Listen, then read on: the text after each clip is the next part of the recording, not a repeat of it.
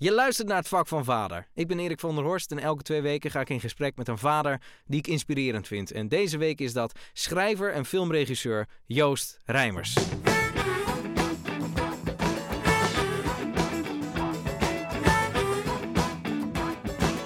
Ehm, wat wel tof is, is dat deze aflevering uh, hebben we iets bijzonders. Joost is namelijk uh, in dit deel, dit, in dit eerste deel, waar jullie nu naar gaan luisteren, is hij nog geen vader. En uh, Joost is een goede vriend van mij en we hebben elkaar een hoop gesproken hierover. En het leek me juist heel erg tof om deze keer, of om een keer in ieder geval, uh, eens een vader aan de ene kant en dan vervolgens de vader aan de andere kant uh, te spreken. En ik vond dat Joost dat zo tof, er zo tof mee bezig was, maar dat hoor je zo dadelijk ook wel in het gesprek. Dat, uh, ja, hij heeft mij direct, nou wat is het, ongeveer anderhalve week, twee weken nadat zijn dochter is geboren, heeft hij me uitgenodigd om nog een keertje te komen praten bij hem thuis. En toen heb ik ook zijn prachtige dochter gezien. Maar deze aflevering, dit eerste deel, is hij dus nog geen vader. En uh, mag je dus luisteren naar al zijn prachtige verwachtingen en, uh, en hoop, uh, hopes en dreams voor de komende periode. Dus enjoy! Heel veel plezier met deze aflevering.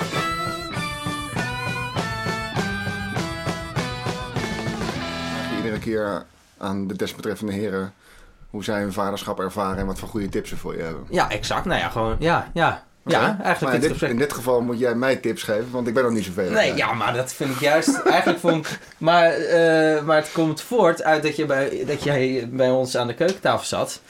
En um, uh, uh, we hadden het over dat jij en Mijke dan ouders worden.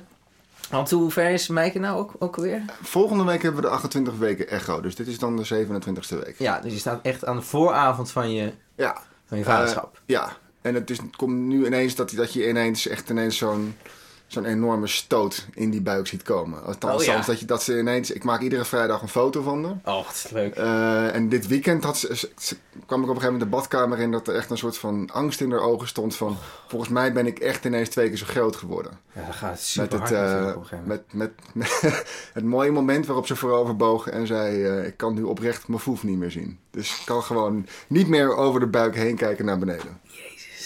Wat cool. dus dat, dat was even schrikken voor haar. Ja, ja.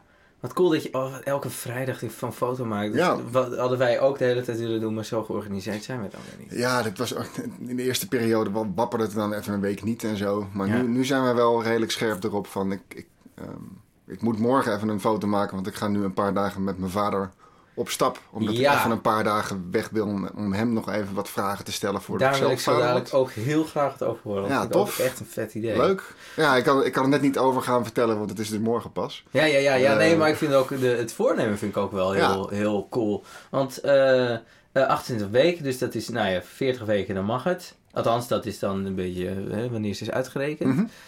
En, um, en um, ik vind, ik, toen je bij ons uh, zat, ik vond dat jullie er allebei gewoon echt heel leuk uh, over vertellen. Jullie zijn er echt heel actief mee bezig met hoe je dat gaat doen. Zeker. En, en uh, ja, kan je er wat over vertellen van hoe, je, je, hoe jij je specifiek voorbereidt? Want Meike, daar kan ik me wel bij voorstellen. Die is ook bij Monique, stelt ze af en toe vragen van, mm -hmm. hoe, heb jij een idee voor dit? Maar heb jij een manier waarop jij je specifiek voorbereidt?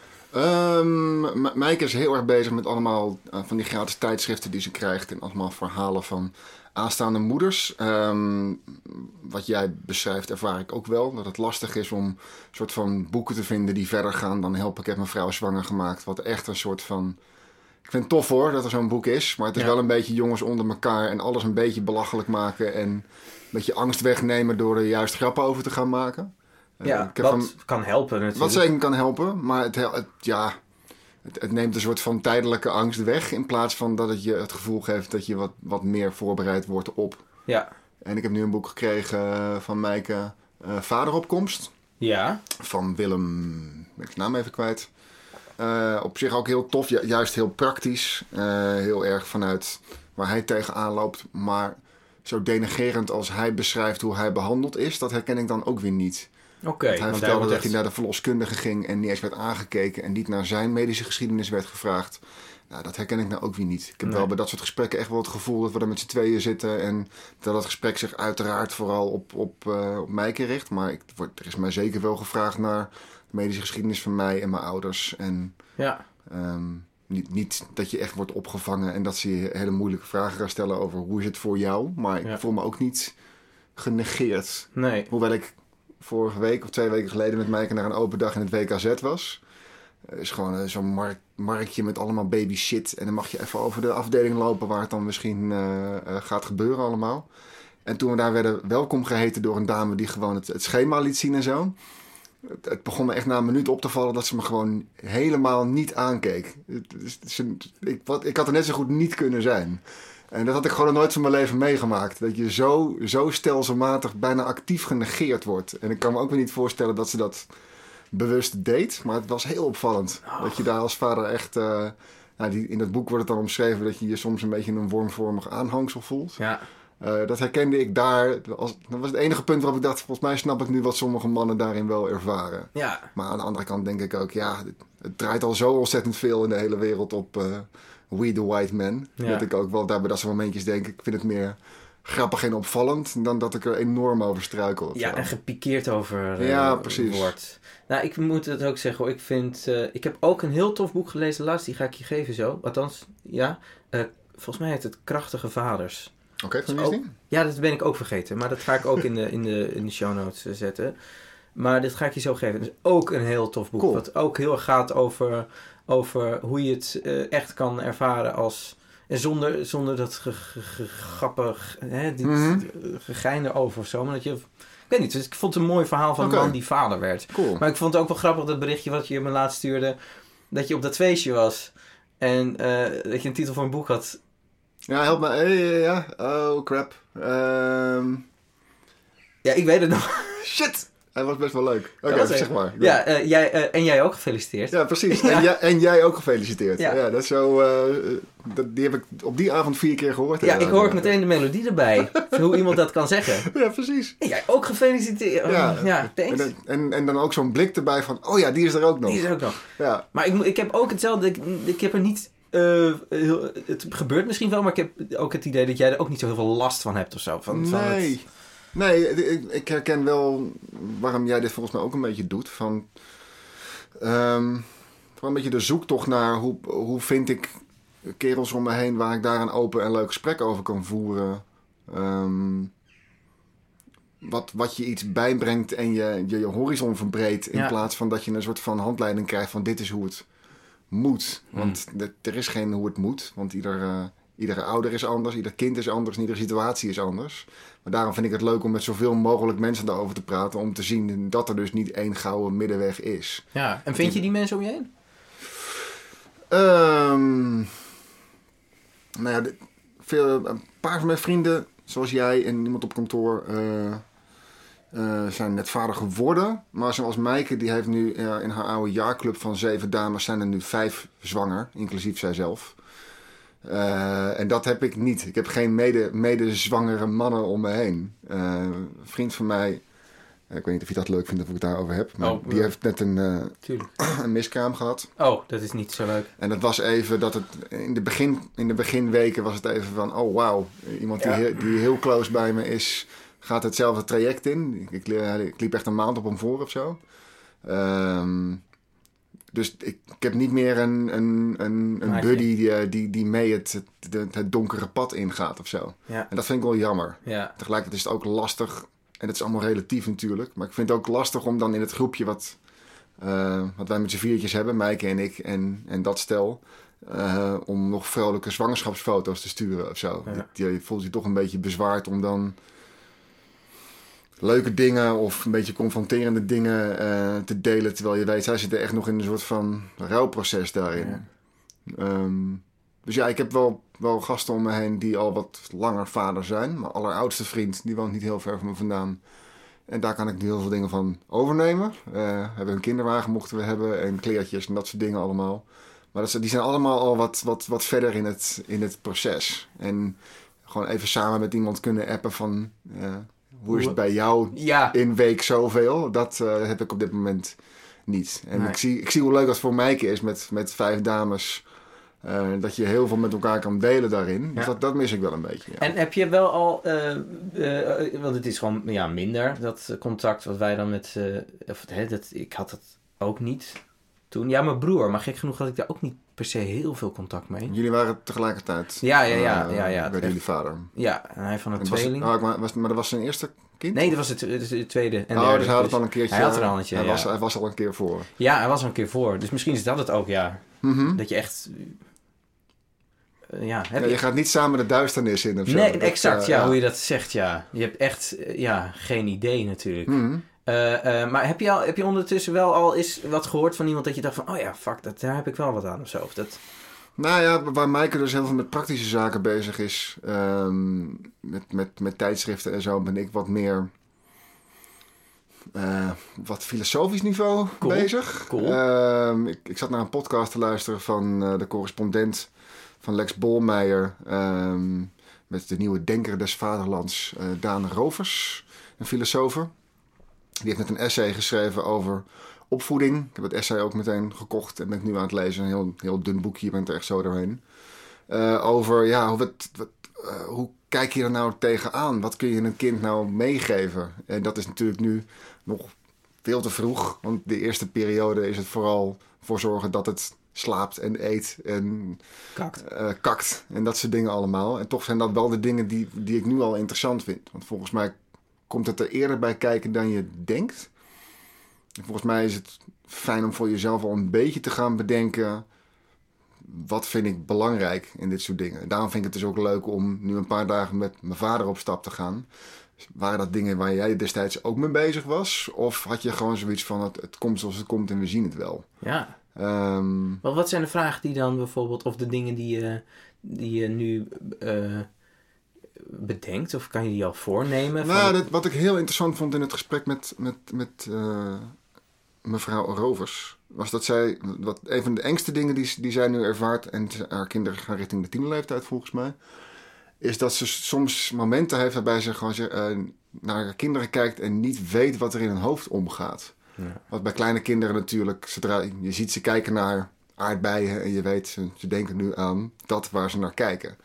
En er komen steeds meer momenten waarop ze zich niet meer, zich niet meer in, haar, in, hun in hun wereld kan verplaatsen.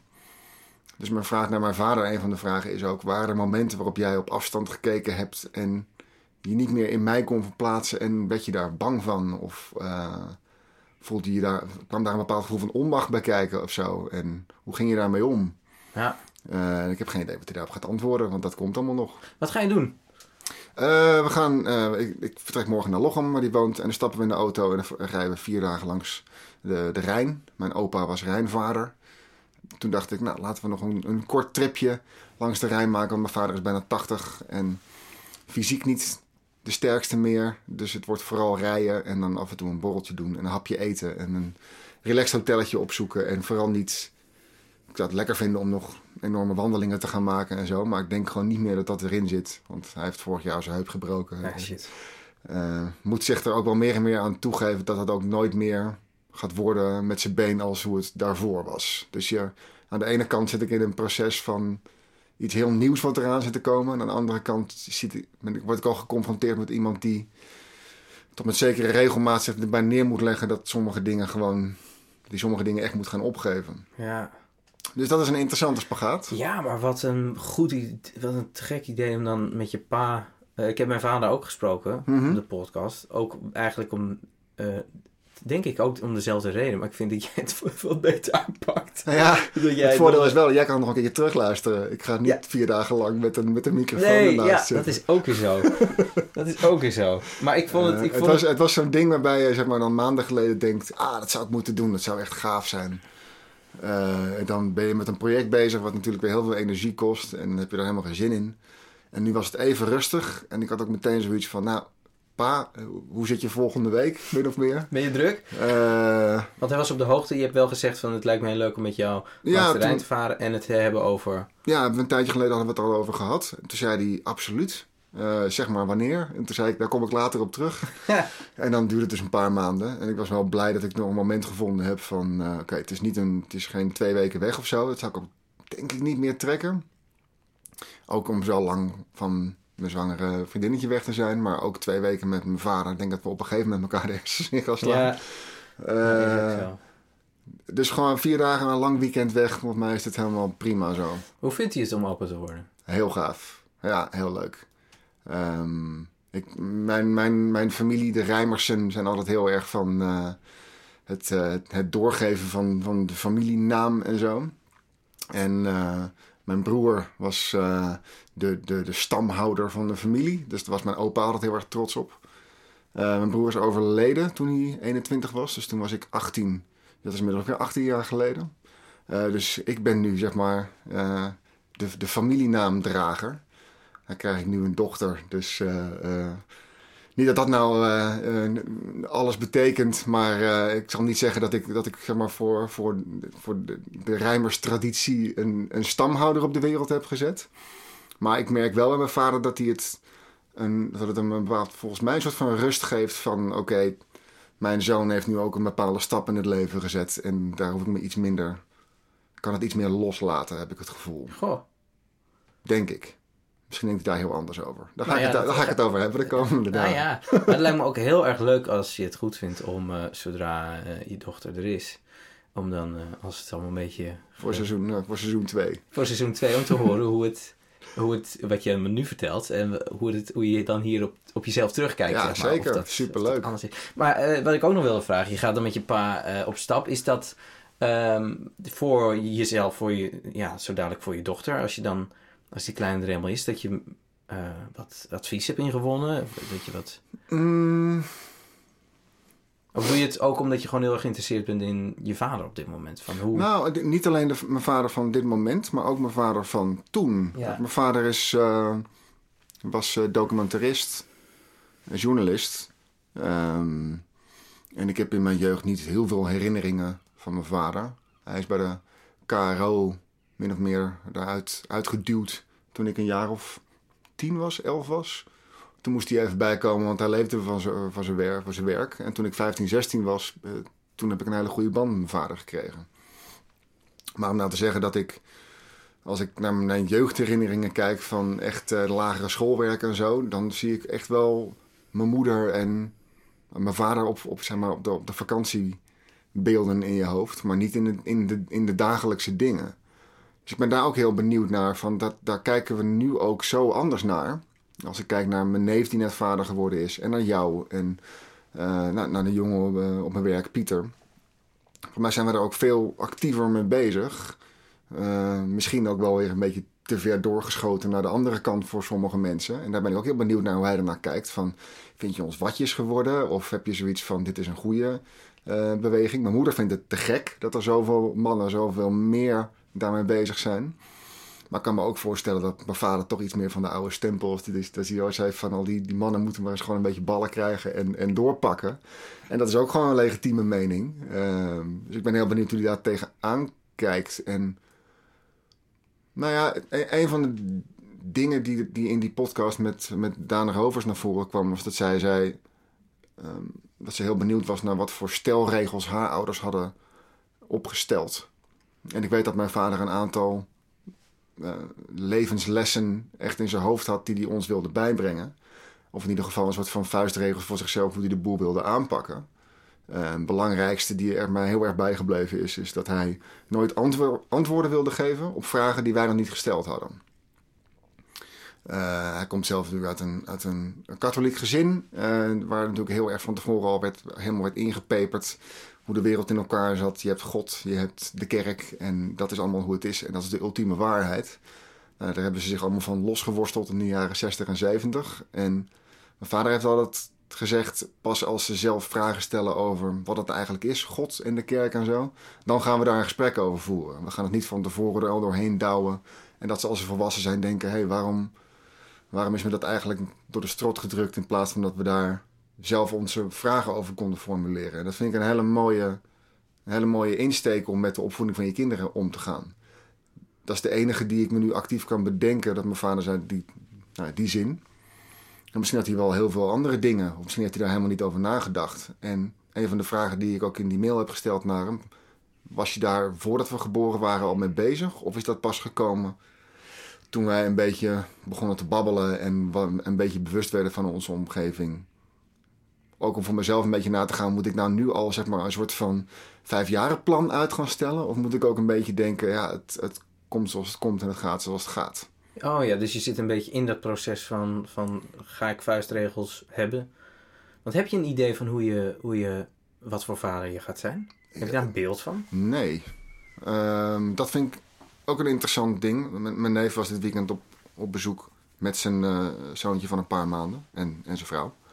Eh, en die zeiden ook, wat, wat, wat gewoon een hele aparte ervaring is, als je een kind krijgt, leer je een nieuwe kant van jezelf kennen, waar je mee moet zien te dealen. Eh, je vrouw of man leert ook een nieuwe kant van zichzelf kennen, waar die mee moet dealen. En je moet er ook van elkaar mee dealen, dat er dus een andere kant bij komt kijken. Dus ik heb geen idee wat de dynamiek gaat worden. En ik hoop heel erg dat we niet van die hysterische ouders worden. Waarbij, als ik een beetje om me heen kijk, wat ik lastig vind, is dat sommige mensen zich zo vasthakken in hoe zij kijken naar wat een kind nodig heeft, dat er ook helemaal niks anders bij kan komen kijken. Jo, kan je een voorbeeld geven? Ehm, we zijn bijvoorbeeld nu een beetje aan het kijken naar, kinderopvang. Toen kwamen we via nou, die, die, eh, die open dag van het ziekenhuis waar we waren bij een kraampje van een ouderparticipatieopvang. En die worden helemaal gerund door ouders. Dus er zit ook niet één eh, professionele opvang, eh, op, opvangst erbij of wat dan ook. Is gewoon eh, je, je, je zorgt een half dagdeel, nee, ja, één dagdeel dan voor de kids. En dan kun je je eigen, kinderen, je eigen kind 2,5 dag wegbrengen. Waarvan je dus een halve dag zelf oppast. Ehm, en dan zit je dus met tien kinderen. Die ook niet je eigen kinderen zijn. Oh. En dat is een verticale groep. Dus het kunnen, het kunnen drie baby's zijn en twee kinderen van twee en drie van vier. Eh, je moet het maar zien. Ja, Eh, aan de ene kant lijkt me dat doodeng. Aan de andere kant lijkt het me ook heel cool. Want je bent er dus Ja. wel ook best wel bij. En iedereen die daar voor de opvang zorgt, heeft dus zelf daar ook een kind. Dus het, Ja. is, dus het is niet zo dat je daar gewoon je, je kinderen aan een totaal wild vreemde geeft... waarbij je denkt, nou, geen idee wie dit is. Eh, iedereen, heeft, ja, iedereen heeft daar die heeft eh, ja, een belang eh, ja, in. precies. Ik met verschillende mensen erover gesproken. En het eerste waar mensen natuurlijk meteen over beginnen is... oké, maar hoe veilig is dat dan? Want, want ja, eh, niemand heeft daar een enige diploma voor. Iedereen moet natuurlijk een kinder-RBO de- hebben en dat soort dingen allemaal. Dat wel? Ja, ja, ja. Oh ja. ben je gewoon toe verplicht. Oh ja. En natuurlijk zijn er ook heel veel dingen waar ik dan meteen denk... gaan meteen alarmbellen rinkelen. Maar er gaan ook bij mij alarmbellen rinkelen bij een gewoon kinderdagverblijf. Waarbij het allemaal zo perfect is ingekapseld en de, de filosofie erachter zo ver is doorgevoerd... dat het ook bijna een soort van eenheidsworst wordt allemaal.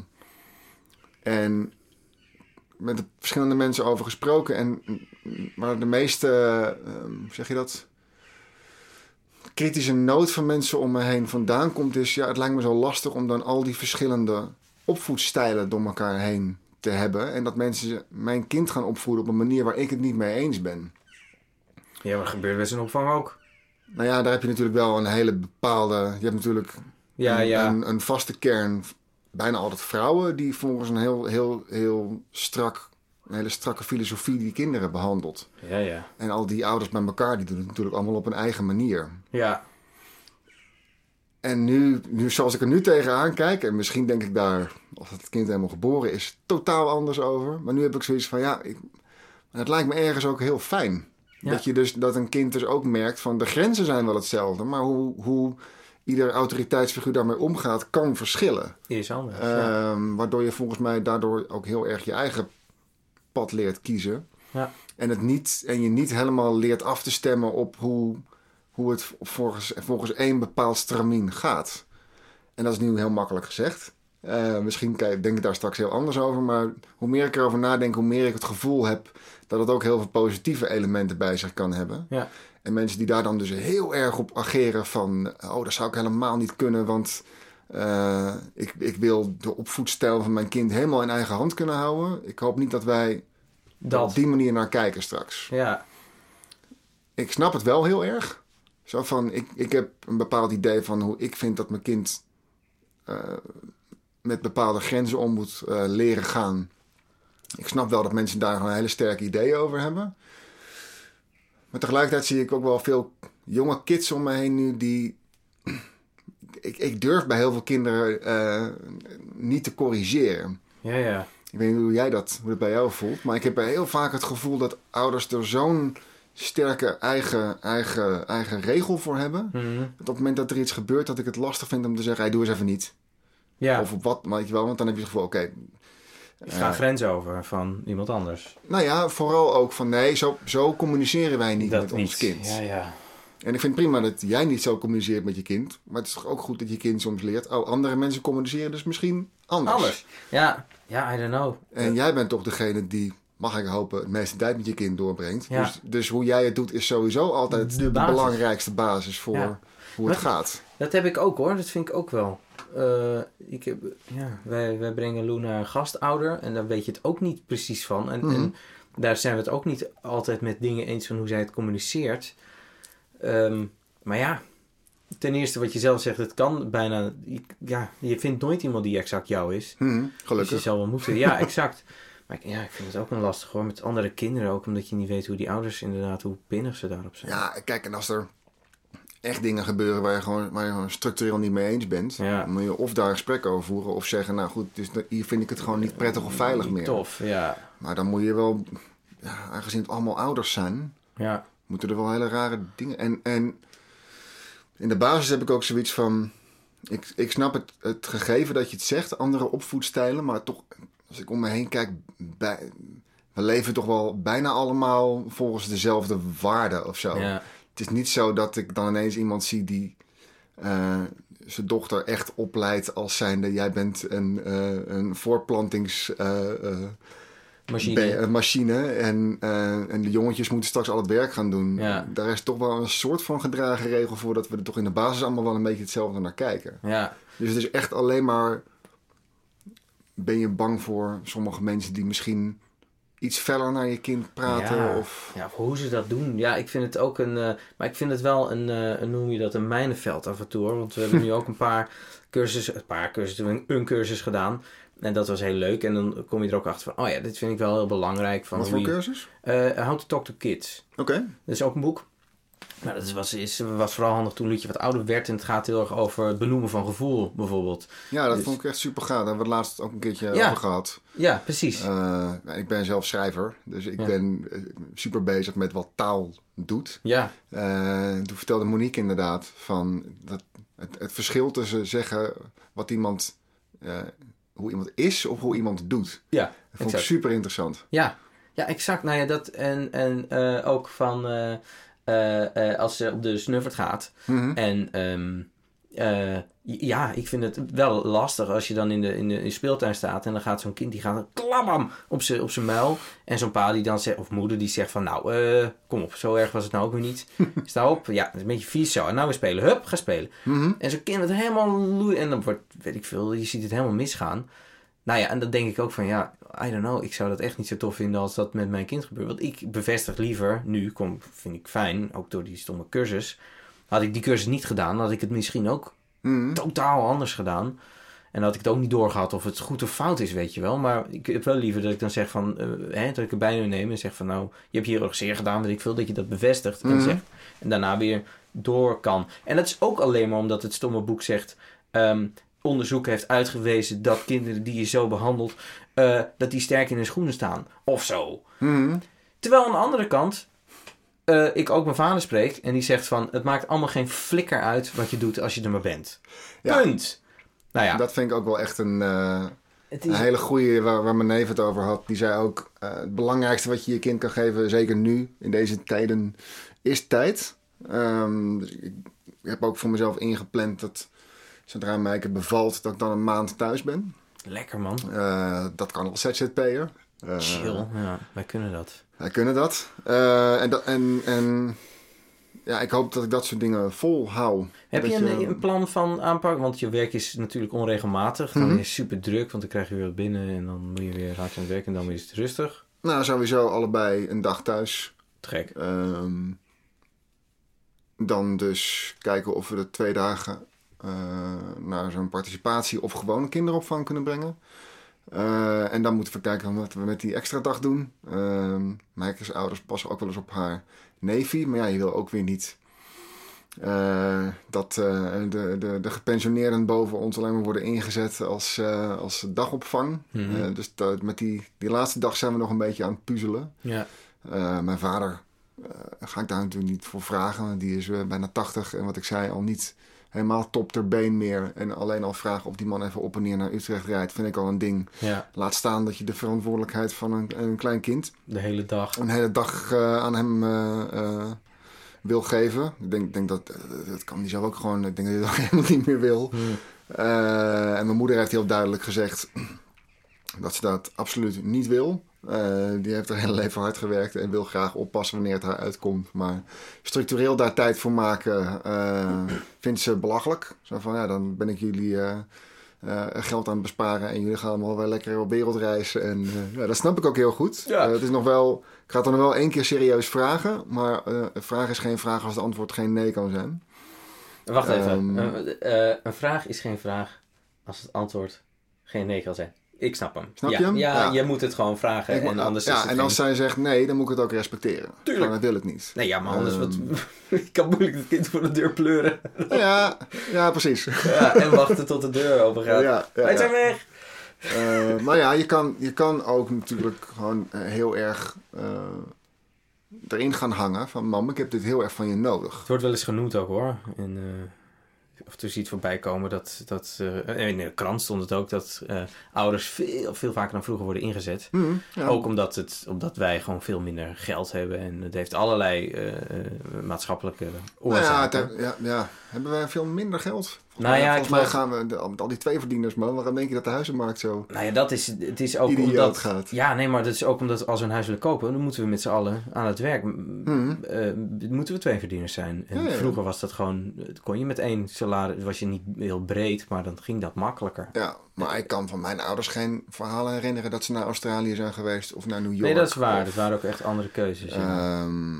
Dus ik snap ook wel echt dat Maar je daar dan nu naar kijkt en denkt, ja hallo, eh, jullie willen stad en land afreizen. En tegelijkertijd moet ik structureel eh, maar ben je op dat... kan passen om, om de kinderdagverblijfkosten omlaag te drukken. Dat is Ja, die, die, die, die, eh, die spagaat snap ik wel, ja. Maar je bent wel van plan om, als het kan, dat je op wereldreis gaat. Met die Nee, nou, nee. Ja, kijk, Maar ja, ben- dat is ook het verschil. Je Ik gaat ben- zo meteen, dan ga je misschien veel minder hele drukke dingen doen. En, en... Nou ja, als ik, als ik nu kijk naar, naar vrienden om me heen die, die kleine kids hebben. Nou ja, Mijkes broer is dan net eh, drie maanden met een kleine hummel van twee naar Australië geweest.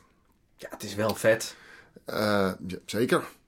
Eh, tegelijkertijd denk ik ook dat het heel vet is om door Europa te toeren. Ja, ja, Ehm, dus ja, we moeten gewoon kijken hoe dat... Ik, heb, ik, ik kan heel moeilijk een inschatting maken hoe wij er financieel voor aan voor staan. Want ja, wat je net zei over mijn werk zei, ik heb natuurlijk gewoon geen idee hoe het... Hoe het er zit niet echt structuur in of zo. Nee, nee, en dat, is echt- dat, dat is wel, eh, ja, het is een beetje standaard. Dat is wel de grote, het grote hoofdpijndossier. Van hoe zorg ik ervoor dat het dat daar wel een bepaalde mate van consistentie in terechtkomt. Ja. Want ik kan straks niet zeggen, eh, shit, de rest van het jaar ligt stil en ik heb niks meer. Ja.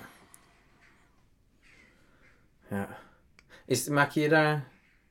Is, is, het een van de dingen waar je zorgen over maakt als je naar de toekomst kijkt? Nou, hiervoor maakte ik me zorgen om dat je dan geen leuke dingen meer kan doen. Als je gewoon even geen klus hebt. En straks maak je je zorgen om wel fundamentele... Hebben we nog wel een, een dak boven ons hoofd. Ja. Ehm, en dan heeft Mijke een eh, vaste baan. Maar ja, een vaste baan is tegenwoordig ook niet meer zo vast als Als- dat het in de tijd van onze ouders was. Ehm, dus dat zijn wel. Ja, ik voel me daar wel een, eh, een wat onzekere factor in. En dan voel je je ook wel. Ik heb daar wel in het gevoel dat het toch van een man wel. dat je wel van je verwacht wordt dat je daar de zekere factor in bent. Oké, ja. Dat gevoel. Dat is, misschien projecteer ik dat, maar dat gevoel heb ik heel erg. Nee, van- ja, als je dat hebt, dat, dat snap ik Dat, zeker, ja. Stel dat, ik heb al een paar keer, min of meer grappend, maar ook eh, toch ook wel serieus een paar keer tegen Mijke gezegd van... hé, hey, we kunnen gewoon 1200 per ma- euro per maand verdienen als ik gewoon thuis blijf zitten. En dan hebben we sowieso, dat is sowieso al consistenter dan als ik eh, eh, op jacht moet naar klussen. Ja, Eh, maar daar zei zij wel heel terecht op, ja, dan, dan word je waarschijnlijk gek. En dat Ja. is waarschijnlijk ook zo. ja. Ehm, maar ja, ik, ik, we zouden ervoor kunnen kiezen dat ik wat structureler thuis ben. ja. Ehm, even afgezien van het feit dat ik daar gelukkig van word. Maar Ja, dat kan wel. Moet je bekijken, ja. Ja. En, en dan loop je dus wel aan tegen, nou ja, waar jij nu ook een beetje tegen aanloopt. Van, het is, niet, het is dan niet zo dat ik in een buurt woon waar tien andere vaders dan lekker op het binnenpleintje gaan zitten en je even kan babbelen. Ik ben, ben daar wel bang voor, zeker nu, dat je dan gewoon een beetje vereenzaamt in, Ja. in je keurige huis met eh, alles netjes op orde. Maar bij wie klop je aan als je gewoon even een babbeltje wil voeren met iemand? Ja. Want ja, Utrecht-Haarlem, zoals eh, ik vanochtend naar jou heb gereisd, dat is toch wel, zeker met een baby onder je arm, een flinke onderneming. Ja, het is even, het is even karren inderdaad. Nee, ja, je, het- ik heb dat ook hoor. Ik snap heel goed wat je zegt. Want wij hebben het ook een beetje overwogen. Moon die heeft net eh, eh, de vaste baan, de vaste ZZ, eh, was eerst de vaste baan, en nu vaste ZZP-klus was dat. Maar Mhm. dat is nu ook afgezegd, omdat ze gewoon echt iets anders wilden doen. Mhm. Maar dat je ook zit te denken van, ja, toch op een gegeven moment gaan kijken voor als het spaargeld op is, Mhm. een eigen zaak aan het opzetten. Van wat, wat doen we dan als het dan niet gaat? En dan ga ik dan minder werken. Ik had ook, hebben we ook gezegd, Moon die, die zei ook van, nou ja, misschien moet jij dan, hè, als jij dan eh, gewoon fulltime kan, kan werken, Mhm. dan, eh, hè, dan kan ik misschien wat minder. Dan ben ik gewoon wat meer thuis en hoef ik ook wat minder op. Terwijl ik denk van, ik heb, helemaal, ik heb daar dan ook weer helemaal geen zin in. Maar heb je dan wel het gevoel dat daar een soort van, toch een soort van vast patroon in terugslijt? Van, wordt van de man dan verwacht om fulltime te gaan werken, zodat de vrouw wat meer thuis kan gaan zitten? Of was dit gewoon een praktische overweging? Ja, wel vrij praktisch hoor. Ook omdat Moon, eh, ook door onze geschiedenis van Moon en ik met kinderen willen of niet. Moon wie wilde helemaal niet per se kinderen, maar Mhm. dat heb ik ook wel eens verteld. Dus we de, het kwam echt van mij. En Moon die zei heel sterk van ik wil dat we het samen doen en dat we het 50-50 doen. Mhm. Dus daar is bij mij vrij snel uitgeramd dat ik ook maar welke eh, eh, eh, idee van fulltime werken de hele tijd, dat Mhm. was vrij snel de deur uit, zeg maar. Maar ze stelde het wel voor op een Ja, gegeven maar moment. nu zit het toch. Ja, maar ja, ja, het is ook. Het is, dat zei ik ook. Van ja, nou hallo. eh, nu vind ik dit veel te leuk. Ja, ja. gewoon een dag eh, of anderhalve dag met, eh, met Loetje eh, de hoort op. Ik ga echt niet meer. Ja, alleen als het moet. Alleen als ik echt aan het, aan het repeteren ben. Of als Ja, ja. echt want zijn er periodes waarin jij dan ineens gewoon twee maanden eigenlijk structureel Ja, ja, niet, niet thuis bent? En hoe heftig is dat? Of kom, Ja. kom je dan wel iedere avond, ja, ja. als, je ja. op, als je op Oerol speelt of zo, dan ben je niet thuis? Maar daarom heb ik ook niet op oeren gespeeld. Ik heb best wel veel eh, afgezegd. Wat, wat ook niet misschien helemaal handig of, of slim was.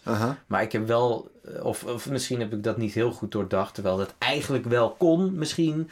Maar ja, dingen als Oerol. Ik had een project in, in Drenthe, of tegen de Duitse grens aan. Mhm. Eh, nou, daar heb ik gewoon geen zin in. Ja, ja. Want dan zie ik, of dan moet ik dan elke dag eh, twee uur heen, twee uur terug. Of ik zit daar dan twee maanden, vier dagen, vijf dagen in de week. Mhm. Ik word daar gewoon doodongelukkig van. Ja. Zeker nu. Zeker nu. Ook omdat ik een... Want heb jij wel het gevoel van ehm, nog, nog een jaar of twee en dan gaat ze naar school en dan zitten we weer in een hele andere situatie. En dan, ehm, Ja, ik heb wel een beetje het gevoel... Ja, ik heb heel erg voorgenomen in dit gesprek om niet... Dat ik niet te veel Ja, moet lullen. hey, jij, jij loopt voor me uit met je fakkel. Hè? Ja, moet, nee, eh, oh, ik ja, wil- nee, ik wil daarvoor- ook weten hoe het voor jou is. Ja, fijn. Nou, dan, dat het mag. Ja, nee, oké. Eh, eh, wat was de vraag? Dat, of, je zoiets hebt van, nou, over een paar jaar is, Oh, zit deze ja. periode er ook alweer op. Ja. Dus, ga ik, dus, dus moet ik er nu ook wel extra, van, extra bij zijn of zo. Dat heb ik heel sterk. Hm. Ja, niet, eh, niet per, ook eh, andersom. Want inderdaad heb ik nu heel sterk het gevoel van... Ja, dit gaat zo fucking hard. Ja, Die loopt al en die klept al. En, eh, en het, het is gewoon heel geinig om dat allemaal te zien. Ja, Om ja. elke dag dan zie je weer, zie je, gebeurt er weer iets dat je denkt van... Nou, dit, dit maak je fucking nooit mee. Ja. staat dit, dit eh, wezentje staat dan eh, iets heel debiels te doen waar je g- heel hard om moet lachen. En aan de andere kant heb ik ook met werk bijvoorbeeld, toen ik een heleboel dingen had afgezegd, dat ging ook wel gewoon door. Ja, ja. Er ja, kwam precies. altijd wel weer een klusje en ook omdat ik eh, veel meer tijd had. Mhm. Ehm, nu bijvoorbeeld, het, gewoon een paar dingen die ik gewoon, ik heb gewoon gewoon niks, maar er komen weer wat dingen binnen Ja, en daar heb je ook weer, wel weer ruimte voor. En ik heb inderdaad het idee van, ja, dan is nu mijn knalharde, snoeiharde theatercarrière of filmcarrière of wat dan ook, nu dan niet, ben ik niet als een idioot achteraan aan het gassen. Mhm. Maar dat kan zometeen wel weer. En wie weet heb je dan allemaal nieuwe inspiratie om allemaal vette dingen mee te doen. Of niet. En dan ga ik gewoon lekker doorkabbelen op het tempo wat ik nu doe. Ja. Of ik word slager, weet ik veel. Het, ik, ik heb ook zoiets van, ja, het relativeert Ja, ja. bij mij misschien veel. Mooi. Misschien te veel, maar ja. Ik had ook zoiets van, ja, fuck it. Als ik, als ik dit ervoor moet inruilen, Mhm. Als ik dat werk wat ik nu doe, daarvoor moet voor Lou moet inruilen, dan vind ik het best. Ja, Niet zoveel probleem mee. ja. En ja, wat ik van veel mensen hoor inderdaad, dan voor je het weet eh, zitten zij ook weer in een nieuwe fase. En Ja. eh, eh, ben jij alleen maar, ja, het is, zo- het is zo'n cliché ook, van dan ben jij alleen maar aan het werk geweest. En waarvoor nou eigenlijk? Ja. Heb je dat, heb je, neem je dat heel bewust mee? Van je, van je, omdat je vertelt je eigen vader dat, dat je daar niet zo'n herinnering aan hebt. Neem je dat heel bewust mee? Ja, dat is wel een bewust ding, ja. Ehm, ik zal niet zeggen dat mijn vader de man was die op zondag het vlees snijde, maar ik begreep, ik begreep die zin eh, wel. Ja. Ehm, en ja, ik ben daar wel bewust mee bezig, maar dat is denk ik. Misschien klinkt het heel egoïstisch. Het is meer voor mezelf, omdat ik ook nu nog geen beeld heb van wat voor wezentje eruit komt Ja. eh, vloepen straks. Dat, het- ik, ik heb het nu heel erg op mezelf gericht. Van, ik wil daar gewoon zelf bij zijn. En hopelijk heeft dat een positief effect op mijn kinderen. Maar op, ik ben op dit moment nog niet bezig met ehm, in haar beleving moet het zo en zo zijn. Want daar heb je ook maar zo tot zo, eh, zo weinig invloed op. Ja. Laatst een gesprek met mijn moeder gehad over, over de, de eerste beelden die ik me kon herinneren als kind. Mijn mo- mijn moeder was ook iemand die ons dan meenam naar musea en eh, cultuur probeerde bij te brengen. Nou, en een van de eerste herinneringen die ik heb toen wij op vakantie waren naar een dorpje in Zuid-Nederland, eh, Leenden. Daar gingen we dan af en toe naartoe. En daar hadden we een puddingvorm in de vorm van een eend. En die zie ik zo voor me, die puddingvorm. En dat is dan het beeld wat je bijblijft. Dus eh, om heel erg bezig te zijn met wat jouw kinderen zich gaan herinneren, dat is volgens mij eh, niet te doen. Onmogelijk, ja. Dus kun je maar beter bezig zijn met wat vind ik zelf belangrijk. ja. Ehm, Maar dus kan- daar ben ik nu heel erg mee bezig. Snap en ik, en misschien, misschien kantelt dat op het moment. Ik weet niet, was jij daar mm, op een andere manier mee bezig toen, toen Loeder eenmaal was? Of? Ehm, nou, ik denk waarom ik het vraag. Ehm, nee, ik was er eigenlijk helemaal niet zo mee bezig, inderdaad, met hoeveel ik aanwezig zou zijn. Behalve praktisch. Van er Ja, moet ja. gewerkt worden en Ja. eh, wanneer ben ik er en wanneer ben jij er. Terwijl ik nu ook inderdaad heel erg voor mezelf heb dat ik, dat ik het fijn vind om, om er te zijn. En ehm, eh, eh, ik zit nu aan al die vaderschapsboeken te lezen en wat onderzoek te doen. Eh, ja, komt het er ook wel op neer dat, dat wij er zijn zo dadelijk. Eh, dat, daar worden onze kinderen ook al herinneren ze zich niet de beelden van dat we er zijn, maar worden ze daadwerkelijk daar beter van. Socialer ik- en, nou, dat en- ik wel echt, ja. stabieler. Dat Ja. de rol van, van ons als vader echt heel eh, belangrijk is tegenover de rol van eh, de moeder die er Hmm. is. Dat wij weer heel andere dingen bijbrengen. Ja, Dus daar dat dat krijg ik nu een beetje mee. Dan denk ik, ah ja, dat is dus ook voor haar gewoon echt een, een heel goed plan. Dat ik er ben. En, Cool. eh, en ik vind het gewoon... ehm, nou, en eh, wat, mijn vader die vertelde ook het verhaal van dat hij op een gegeven moment zoveel aan het werk was... dat wij echt een beetje van hem vervreemden en zo. ja, Wij ja. echt een beetje hadden van, eh, mm, whatever. Hm. Dat lijkt me echt super kut. Want Loetje die trekt al wat meer naar de moeder toe. Hm. Die is als ik thuis kom is het doei. En, ja, nu, en nu begint het weer te veranderen, weet je wel. Ja, ja, ja. hey, papa is thuis, weet Leuk. je wel. En dat is zo, dat is goud. Dat is gewoon echt... eh, Maar zou het kunnen zijn dat, ehm, al, al investeer jij daar veel meer tijd in, dat dat moment straks bij jouw kinderen toch ook gaat plaatsvinden? Omdat ze gewoon in een andere. Dat, dat ze gewoon in een ander denkpatroon terechtkomen. Oh, en ook ja. gewoon bij sommige dingen denken: ja, het- mijn ouders zijn mijn ouders. En ik ga gewoon op een gegeven moment niet alles meer delen. Dus een bepaalde vervreemding. Dat is dus wat ik Ja, zo ja. interessant vind aan die vraag. Dat je op die kwestie. Dat je op een gegeven moment niet meer in het hoofd van je kinderen kan kijken. ja. Dus eh, op een gegeven moment moeten ze ook een beetje hun eigen, hun eigen eh, wereldje opbouwen en hun eigen geheimen hebben. En, Ja.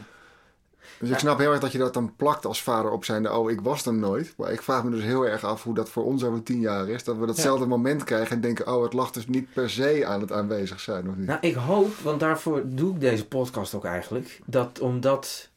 kon, eh, mm, misschien is dat het wel. Dat ik... eh, een vriend van mij, die is, heb ik ook geïnterviewd, Leopold. Die heeft zo'n eh, geinige relatie met zijn kinderen. Mhm. Dat ik er wel van over dat ik heel erg zijn voorbeeld een beetje najaag. Mhm. En ook bij ons thuis was het ook wel aan de hand. Dat, het, dat je wel, bedoel, die kids hebben dan hun eigen belevingswereld. Maar dat je nog steeds wel in contact bent. En dat ze zich vertrouwd en eh, prettig genoeg bij je voelen. Dat ze wel Mhm. durven te delen, maar dat het niet hoeft. Ja, ja. Dus ik ben er niet per se bang voor dat, het, dat wat ze geheim houden, of wat ze in hun omgaat, dat, dat, eh, eh, dat ik dat moet weten of zo. Of dat het Mhm. gevaarlijk is als ik het niet weet. Of eh, ik bedoel, mijn vrouw heeft ook haar eigen gedachten, terwijl ik toch wel Mhm. heel erg erop vertrouw dat het, als er iets stront aan de knikker is, dat ze iets zegt. Nou, Ja, precies. Maar was, Le was Leopold dan wel heel erg... eh, was die meer dan onze vaders bijvoorbeeld aanwezig bij zijn kinderen? Of Nou, heb je het daar verder niet over gehad? Nee, de, wat ik heb begrepen is dat hij ook behoorlijk, dat dus de, hun verhouding ook, eh, zijn vrouw was eh, Mhm. thuis veel en hij was veel aan het werk. Dus Ja, dat ja. was. Dus ja, wat dat betreft sta ik, eh, sta ik op exact hetzelfde punt, want mijn, Ja, ja. mijn kind is nog niet zo oud. ik heb geen idee. Ja, En ik hoop maar dat ik het goed doe. nou, volgens mij wel. Ja, ja maar ja, hoe, wie zegt het? Ja, know. ja, We gaan, met, we gaan met veel mensen blijven praten, Ja, precies. Ja. Precies. Ja, ik hoop het. Ik hoop het. Maar ja, ik, ja. Hebben, jullie, heb- hebben jij en Moon heel veel bewuste gesprekken over wat jullie belangrijk vinden in opvoeding? Ja, ja En zeker. is dat dan heel praktisch of ook een soort van levensbeschouwend? En... Ja, ja, zeker wel. Ja, nee, Moon die is, er, die is er veel beter in dan ik. Die kan het heel goed eh, verwoorden. Ik ben er niet zo, zo, zo, eh, zo eh, initiatiefnemend in. Maar die vindt het heel belangrijk dat ze zich... Ja, nou ja, dat, dat ze zich gehoord voelt. Dat ze zich Mhm. uit durft te spreken. Dat ze ehm, eh, keuzes mag maken. Dat eh, ze weet wat er bij ons eh, aan de hand is. Hè? Dat als ik, als ik pissig ben geweest, dat ik, eh, dat ik uitleg van... Nou, ik was boos hier en hier en hierom. Mhm. Lag niet per se aan jou. Nou, dat soort dingen. Dus is dat een... Ja, ja dat, dat is zeg maar de, dan, dat is de, de, de, de uitkomst die je graag wil. Ja? En wat, ik geloof er heel erg in dat je, je kan wel zeg maar voor jezelf een soort van stelregels bepalen van ik wil graag dat dat het resultaat Ja, is. Maar ik. dat geef je natuurlijk door, door door hoe je iedere dag bent. En Ja. niet door die twee momenten in het jaar dat je er op de knie neemt en een paar wijze levenslessen bijbrengt. Ja. Ik geloof er wel heel erg in dat je dingen leert door wat je iedere dag doet. Voordoet. Ehm, en dat, ik vraag me af in hoeverre dat iets is waar je heel bewust mee bezig kan zijn. Of dat dat iets is wat er. Je, je bent gewoon toch ook ten dele wie je bent. En de manier waarop jij je, je opstelt en je gedraagt, is hoe je het ook doorgeeft. Ja. En hoe, hoeveel, hoeveel invloed heb je daarop? En hoeveel kun je daarin afstemmen met z'n tweetjes als je samen een kind moet opvoeden? Ja, nou ja, we hebben wel, ja, wel wat dingen afgesproken. Althans, en ik ook met mezelf toen eh eh, Loede was. En eh, toen ze steeds mondiger werd en steeds meer begreep. Dat ik echt dacht van ja, af en toe ben ik gewoon bloedchagrijnig. Ja, ja. Of word ik heel boos. Of eh, ben ik niet aanspreekbaar. Of, eh, of eh, zit ik de poes uit te schelden. Weet ik veel. Dan, eh, dan, maar ik heb ook wel toen heel bewust gedacht van dit is gewoon niet het goede voorbeeld. Hm. Dit is gewoon echt een heel slecht idee.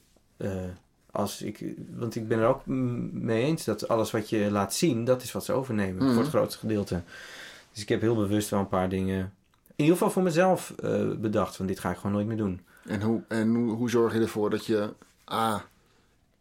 in de gaten hebt dat je in zo'n moment zit? Want ik kan ook strontchagrijnig zijn en boos en Ja. schelden. En nou ja, schelden wil ik natuurlijk sowieso niet meer, maar daar, daar moet ik echt op gaan letten. Eh, dus hoe, hoe, hoe word je bewust van dat je in zo'n, in zo'n kuiltje zit? En hoe zorg je ervoor, oké, ik, eh, Stap eruit. nu moet ik hieruit stappen? Ja, ehm, voor mij werkt het om, eh, om, eh, om weg te lopen. Om even als, als ik met Lou alleen ben en ik Mhm. heb een nacht als, als vannacht.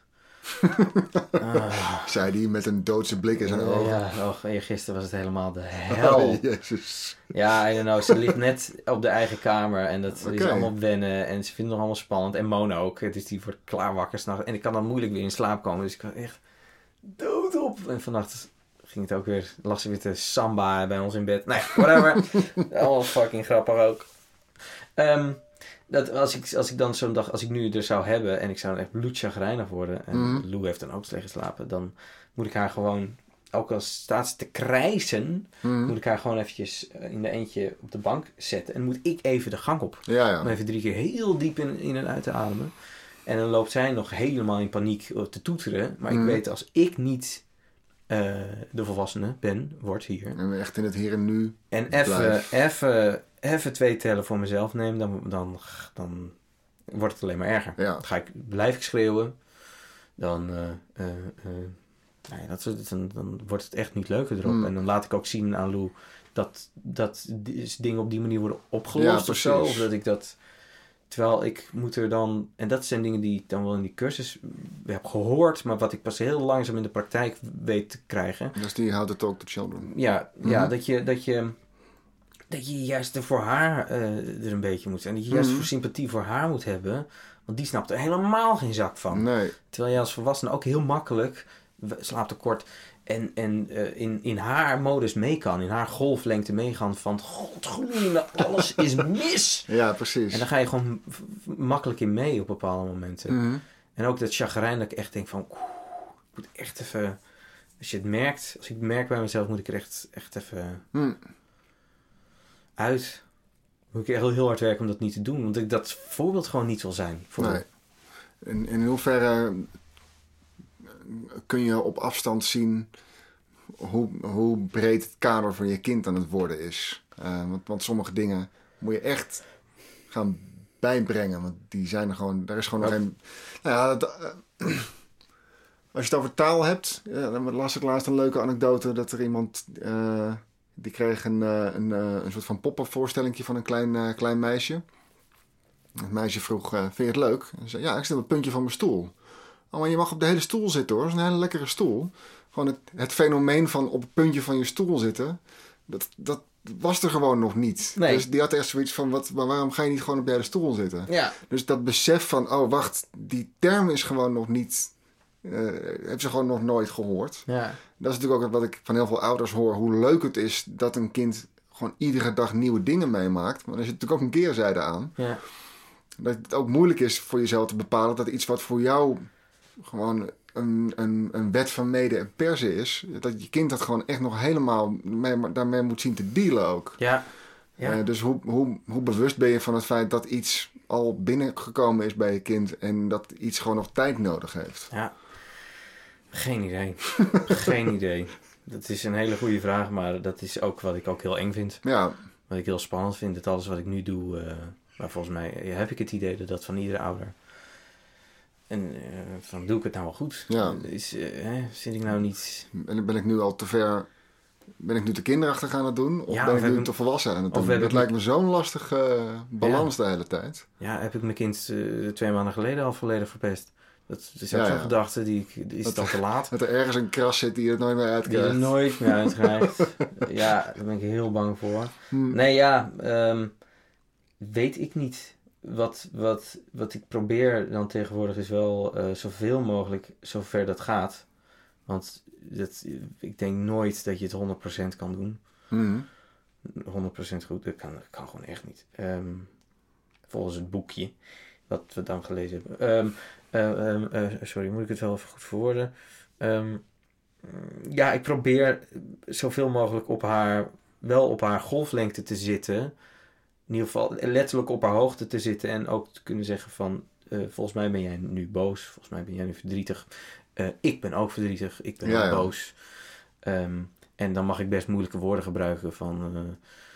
eh, papa is chagrijnig of, of jij hebt een heel andere voorstelling van het, van de hele, van het hele gebeuren gehad. Hè? Dat ik de taal gebruik, maar dat ze in mijn toon hoort en in mijn, in mijn niveau, letterlijk en figuurlijk, voelt en hoort dat ik probeer eh, haar te begrijpen. Mhm. Dat pro- probeer ik. Oké, En dat lukt me soms. want Lou is nu 2,5. 2,5. Ja. En, En soms werkt het heel fijn. Mhm. Is dat, is dat echt iets waar ze even van wordt? En soms totaal niet. Nee, ja. soms is ze ook gewoon in paniek en dan heb je weer een andere tactiek Ja. nodig. Waarvan je niet weet of dat nou weer zo goed is.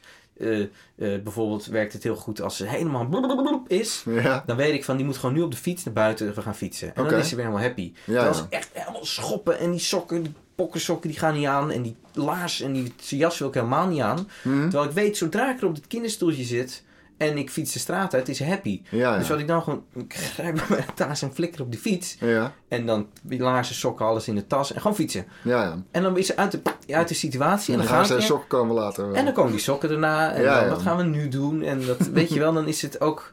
Dan zijn die hele heftige situaties ook helemaal niet meer zo Ja, ja. eh, eh, belangrijk.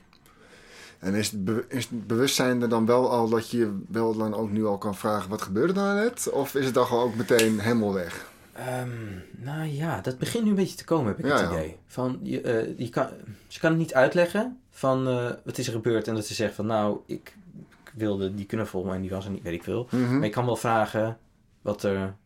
Nu een beetje vragen van, eh, je was boos hè? En dan zegt Ja, ze, ja. ja. Was je boos om de knuffel? Ja of nee? Nou ja, en dat probeer dan... En dan kan je zeg, probeer ik dan te zeggen van... Ja, ik snap dat je heel boos bent. Want je had die knuffel willen hebben en die was er niet. Mhm. En dan was papa ook nog eens chagrijnig en vervelend. Mhm. Dat is ook niet hoe ik wil zijn, dus sorry daarvoor. Maar ik hoop... eh, zullen, hè?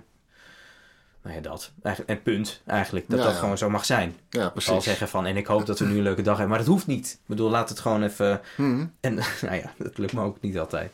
Weet ik veel. Ik weet ook niet of ik nou het goede, goed Ja, verhaal zit Ja, te dat is wel een soort van leidraad voor alle ouders die ik spreek. Ik wil jou interviewen. Het was altijd zo van, ja, het, eh, op, is altijd een punt waarop waarop mensen zeggen, ja, ik, ik weet het ook niet. Nou, ja, exact. Nou, ik hoop ook niet iedereen...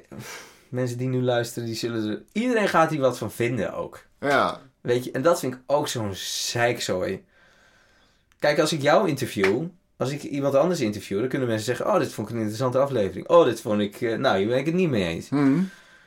Maar ik moet nog nee, als het goed is, moet ik nog een heleboel. En straks, ja, straks gaan mensen allemaal zeggen: van ja, man, wat doe je nou een onzin dat je zit je kind te verpesten. En daar ben ik ook heel bang voor. maar ja, uiteindelijk ben jij degene die, die daar eh, de, eind, de eindbeslissingen maakt. Ja, Dus, dat is waar. eh, Misschien knip ik dit er gewoon allemaal uit. ja, maar wat heb je nog meer voor vragen dan? Nee, ja, ik zit even te denken, want ik eigenlijk, ja, ik ben gewoon heel, heel benieuwd hoe, hoe, je het gaat, eh, hoe je het gaat hebben. Ik, ik, ik gun het je zo enorm, want ik heb het idee dat je een hele leuke eh, eh, papa bent al. En, en dat je er in ieder geval dat je er heel bewust mee bezig bent van ik wil eh, nagedacht hebben over hoe, wat ik zo dadelijk ga doen. Terwijl ik ook heel veel mensen spreek en zie die gewoon hebben van Ja, ja. I don't know.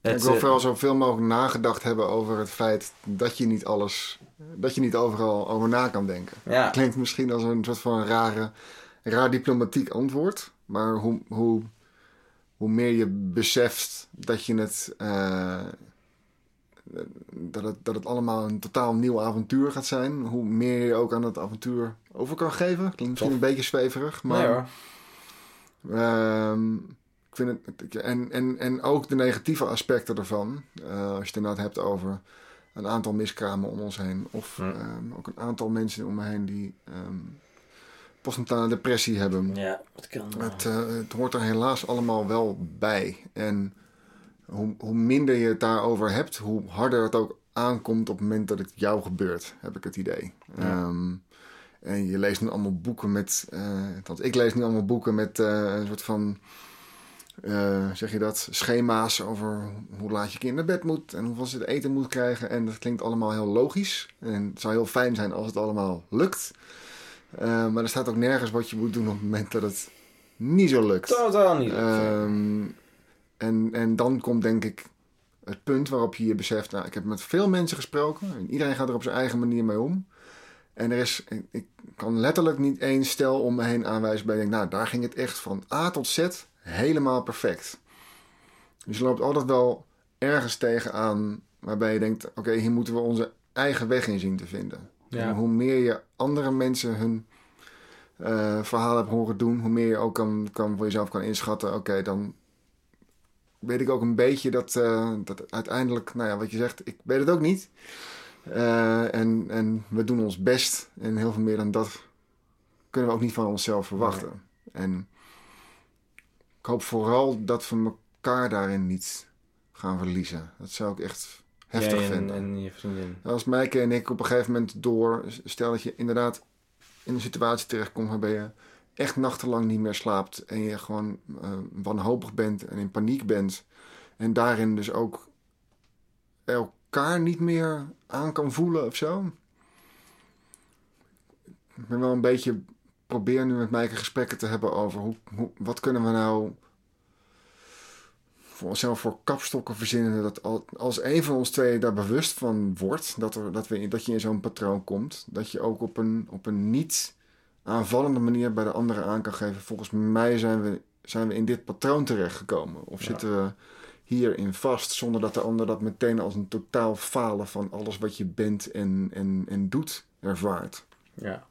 Want we willen het allebei heel graag goed doen, Ja. volgens mij. Ook met elkaar. Het Ehm, klinkt heel, eh, heel herkenbaar wat je, wat je zegt. En het is super goed om daarover na te denken. Maar ik heb, er nog geen, ik heb er alleen nog geen sluitend antwoord op gevonden. Nee, wij ook niet. Nee, maar ik, Nou, dat is ook fijn om te horen. Nee. Ik maakte me daar heel zorgen over Mhm. toen Mogen zwanger was. Van, hoe gaan we dat samen doen straks? Maar ja, je hebt ook zat mensen die het helemaal... En die vind ik heel vervelend, die mensen. Waar het allemaal helemaal goed gaat. Dat is van, het gaat wel best. Nee, we slapen wel lekker. Lekker op de eigen kamer. Eet goed, slaap goed. We moeten, we moeten de wakker maken, weet je wel. Ja, ja. Nee, we gaan vanavond eh paracelen nadat we oesters hebben gegeten. In, eh, fuck jou. Fuck jou en je leven. Nou, daar ga ik niet van uit. Nee, Ehm, van mij mag het. Ik gun het, ik gun het je. ja, ja het, zou, het, eh, het zou fijn zijn. Maar het, het, en dat zijn ook dingen waar ik het nu met Mike heel erg over heb. Van het, als, het, als het niet gaat zoals je dat droomt, dan moet je dat niet ervaren als een persoonlijk falen. Hm. Het zou zo fijn zijn als dat, als dat gebeurt, of wat dan ook anders, waarbij je het gevoel krijgt van ik, ik faal hierin. Dat we dat bij elkaar ook zoveel mogelijk weg kunnen nemen, wetende nu. Dat we als we in die fase zitten, dan zelf natuurlijk ook, wat je zegt, eh, eh, slaaptekort hebben en Ja. eh, onzeker zijn. En ehm, dus ik, ja, ik mezelf ook een beetje af te vragen, zijn dat dan dingen je bijna, net, net zoals je een soort van bevalplan eh, voor jezelf opschrijft. Van ik, zou, ik weet dat het anders gaat, maar ik zou het fijn vinden dat het, mm, als het zo zou kunnen.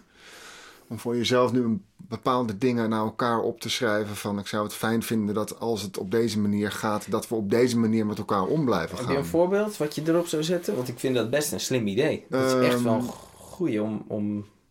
Nou, nou bijvoorbeeld eh, ehm, dat we iedere avond eh, tien minuten of een kwartier de tijd zouden nemen om zonder wat, weet je wel, nadat eh, de baby in bed ligt, om even een tien minuten of een kwartier tegenover elkaar te gaan zitten, om elkaar aan te kijken en een gesprekje te voeren. Wetende dat in de chaos dat misschien niet de hoogste prioriteit heeft, maar wel dat je naar elkaar uitspreekt dat die intentie er is of zo. Ja. Ehm, Maaike vindt het super fijn als ik haar voeten masseer of haar eh, rug masseer. En dus als zij dan tegenover me zit en ik masseer de voeten, dan zit je wel. En dan heb ik ook geen tele ik kan geen telefoon in mijn handen hebben. Dus dan zit je echt gewoon even tegenover elkaar in de ogen te kijken om er even over whatever te babbelen. En ik kan me zo voorstellen dat juist die kleine dingetjes wegvallen en dat die dingetjes bij elkaar opgestapeld een enorme impact kunnen hebben. Ja. Eh, en tegelijkertijd besef ik me dat je, als je dat dan nu vanuit al je goede bedoelingen nu opschrijft, dat het ook als heel naïef over kan komen of zo. Dat je dat dan over een jaar terugleest en denkt, en denkt ah, wat dachten we toen dat we allemaal de waarheid goed hadden. En ah, wisten we toen maar wat voor een, wat voor een enorme omschakeling het zou zijn. En, Ja, dat weet ik gewoon niet. Ik kan Nee. het heel moeilijk inschatten. Hebben jullie nu al rituelen? Ik- had met Moon, we hadden osteopathie gedaan. Was Osteopathie? Ja, geloof het. En ik moest haar elke avond haar benen eh, afstrijken. En dan ging ik Oh. zo langs haar benen. Het vond ze heel fijn. Na Ja, elke ja. dag dat die, dat die buik zou dan naar beneden gaan. En het kindje ook naar beneden. Dus ik ging haar Mhm. iedere avond afstrijken. Dus we hadden zo'n ritueel waar we toen alle tijd voor hadden. Ja, ja. Heb je, hebben jullie al, in, in- behalve de foto bijvoorbeeld? Niet zoiets specifieks, nee. Wel inderdaad dat ze het heel lekker vindt om gemasseerd te worden. En ik merk ook wel gevoelsmatig, wat jij nu zegt, als ik de benen masseer, dat het altijd van boven naar beneden is. Omdat ik dan het gevoel heb, als je van beneden naar boven gaat, dat je stress terug die buik invrijft of zo. Inderdaad, Het- ja, ja. Misschien is het helemaal niet zo, maar zo voelt het. Dat ik het beter van, van de buik weg kan Ja. wrijven allemaal. Maar er zit nog niet echt een, een, een, een bepaalde beweging of gedachte achter. Al, anders dan, ze vinden het gewoon heel fijn als, als die spieren een beetje ont, weet je, Mm. ontzien worden. Ja, een en, beetje ontspannen raken. ehm, rituelen? Nee, niet, niet, niet per se nog. Heb je al belachelijk veel shit aangeschaft? Veel shit gekregen. Oh, chill. vooral. Wat ik zei, wel veel, veel eh, stelletjes om ons heen die net op ons vooruit lopen, Ja. zoals jullie. Ja. Eh, dus we hebben, hebben voor mijn gevoel nu al moeilijk veel kleren. Maar ja, mijn neef zei dit weekend ook. Ik dacht ook dat we heel veel kleren hadden. Maar dat was echt binnen een maand. Konden we de helft allemaal weer wegdoen. Wegflikkeren? Ehm, ja, we hebben wel een ledikantje bijvoorbeeld. Kinderkamers klaar? We gaan, er, wordt nog, gaat nog één plankje ophangen. Oh, die is klaar. Eh, ja, die is na, ja, dat- maar daar hoeft er niet zo heel veel aan te gebeuren. Nee. hebben een grote kast ingezet. Een ledikantje die we op eh, Marktplaats hadden besteld. Was Meike heel erg naar eh, aan het zoeken, want er moest een bepaald IKEA ledikantje. En die hadden we ook gevonden. En een auto gehuurd en het ding opgehaald. En Jemig. kwamen we thuis, helemaal blij. Ze belde de moeder, we hebben een ledikantje. En toen zei die moeder, maar je weet dat wij hier ook twee ledikantjes hebben staan, hè? Dus ik, toen Maaike dat vertelde, zei ik, ja, dat had ze even een dagje eerder mogen zeggen. Toen zei Maaike, nou, ik wist het eigenlijk wel, maar ik was het gewoon vergeten. Dus wat, hoe haar hersenen zich opstellen, Op dit eh, moment. sommige dingen is ze gewoon echt dan, gewoon, ook niet dat ze dan denkt, oh ja, dat had ik gezegd. Nee, het is gewoon helemaal weg. Dus dat is interessant om te zien. Grappig, en, eh, ja. en het enige wat ik dan kan doen is daar gewoon lekker om lachen. En Fijn. ook bij haar neer te leggen van, het is, het gewoon alleen maar leuk dit. Ik vind het gewoon een mooi verhaal. Dat je echt wel druk onderweg bent om zo'n ding te halen. En dan beseft, oh, we hadden er al twee klaarstaan. Ja. Dat vind ik gewoon mooi. Ja, het is een leuke, leuke is, verhaal. ik vind het gewoon heel... Ik kan zo een half uur naar haar kijken, s'avonds. Dat klinkt heel eh, cliché en eh, eh, plakkerig. Maar Nee, het is gewoon heel leuk om te zien hoe zij dan s'avonds op de bank ligt... en alleen maar met die buik bezig is. Dat vind ik echt te gek. Ja, top hè. Ehm, Dat is zo mooi om te zien. ja, Ik heb ook meteen, ik, heb, ik wil er nog, er is- ja, ik vind het ook heel leuk hoe jullie, hoe jullie daar met z'n tweetjes mee omgaan. Maar ik, word, ik krijg er weer allemaal beelden bij van. Hmm. Zitten jullie, hebben jullie het... Als je niet al wel moet je het zeggen hoor. Maar zitten jullie te denken aan een tweede kind? Ja, we willen heel graag een tweede. Ja, ja. ja. ja, heel graag. Dus eh, van ons mag het.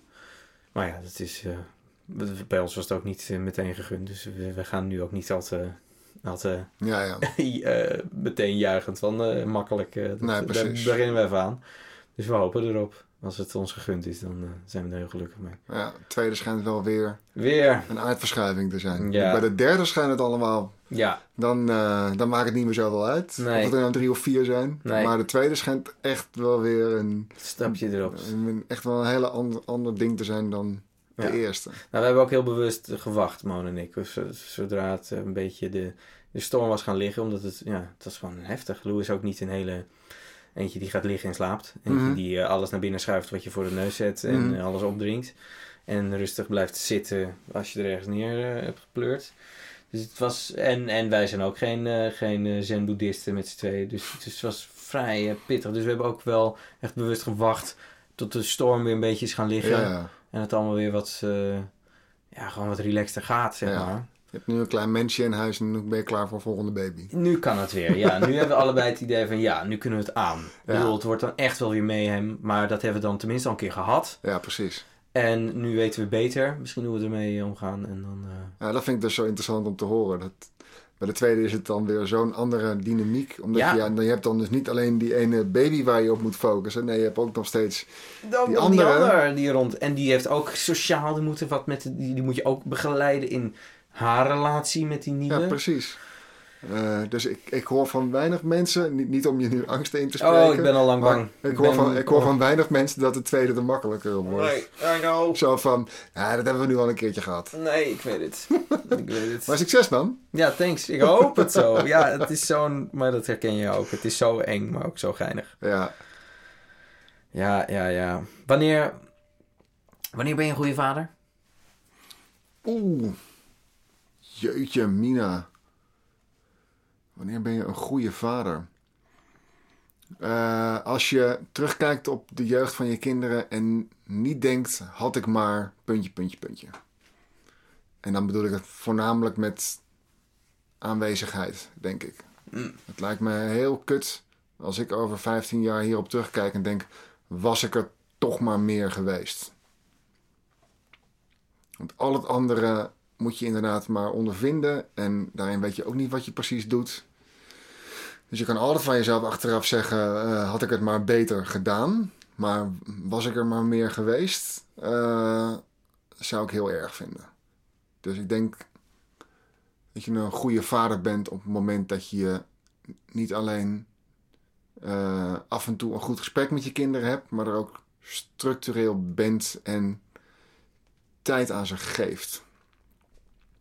Van uh, toch het meest kostbare wat je hebt is tijd. En gewoon samen met je kinderen de tijd verliezen en ineens denken: oh wauw, we zijn twee uur verder en ik heb geen idee wat we de afgelopen twee uur gedaan hebben. Maar dat is juist zo lekker. Dat, dat, daar kijk ik wel echt naar uit. Naar die momenten. Cool. Ah, heerlijk. Oh, je gaat het zo leuk vinden volgens mij. Ik, nou, ik wil je heel graag weer spreken. Ja, als, uh, als een kleine uh, is. het klaar voor seizoen 2? Ja, vet. Ja, cool. Sowieso, nee, misschien als je suggesties hebt, dan... Uh... Sowieso luisteren aan nummer 1. Vet, leuk. Cool, thanks man.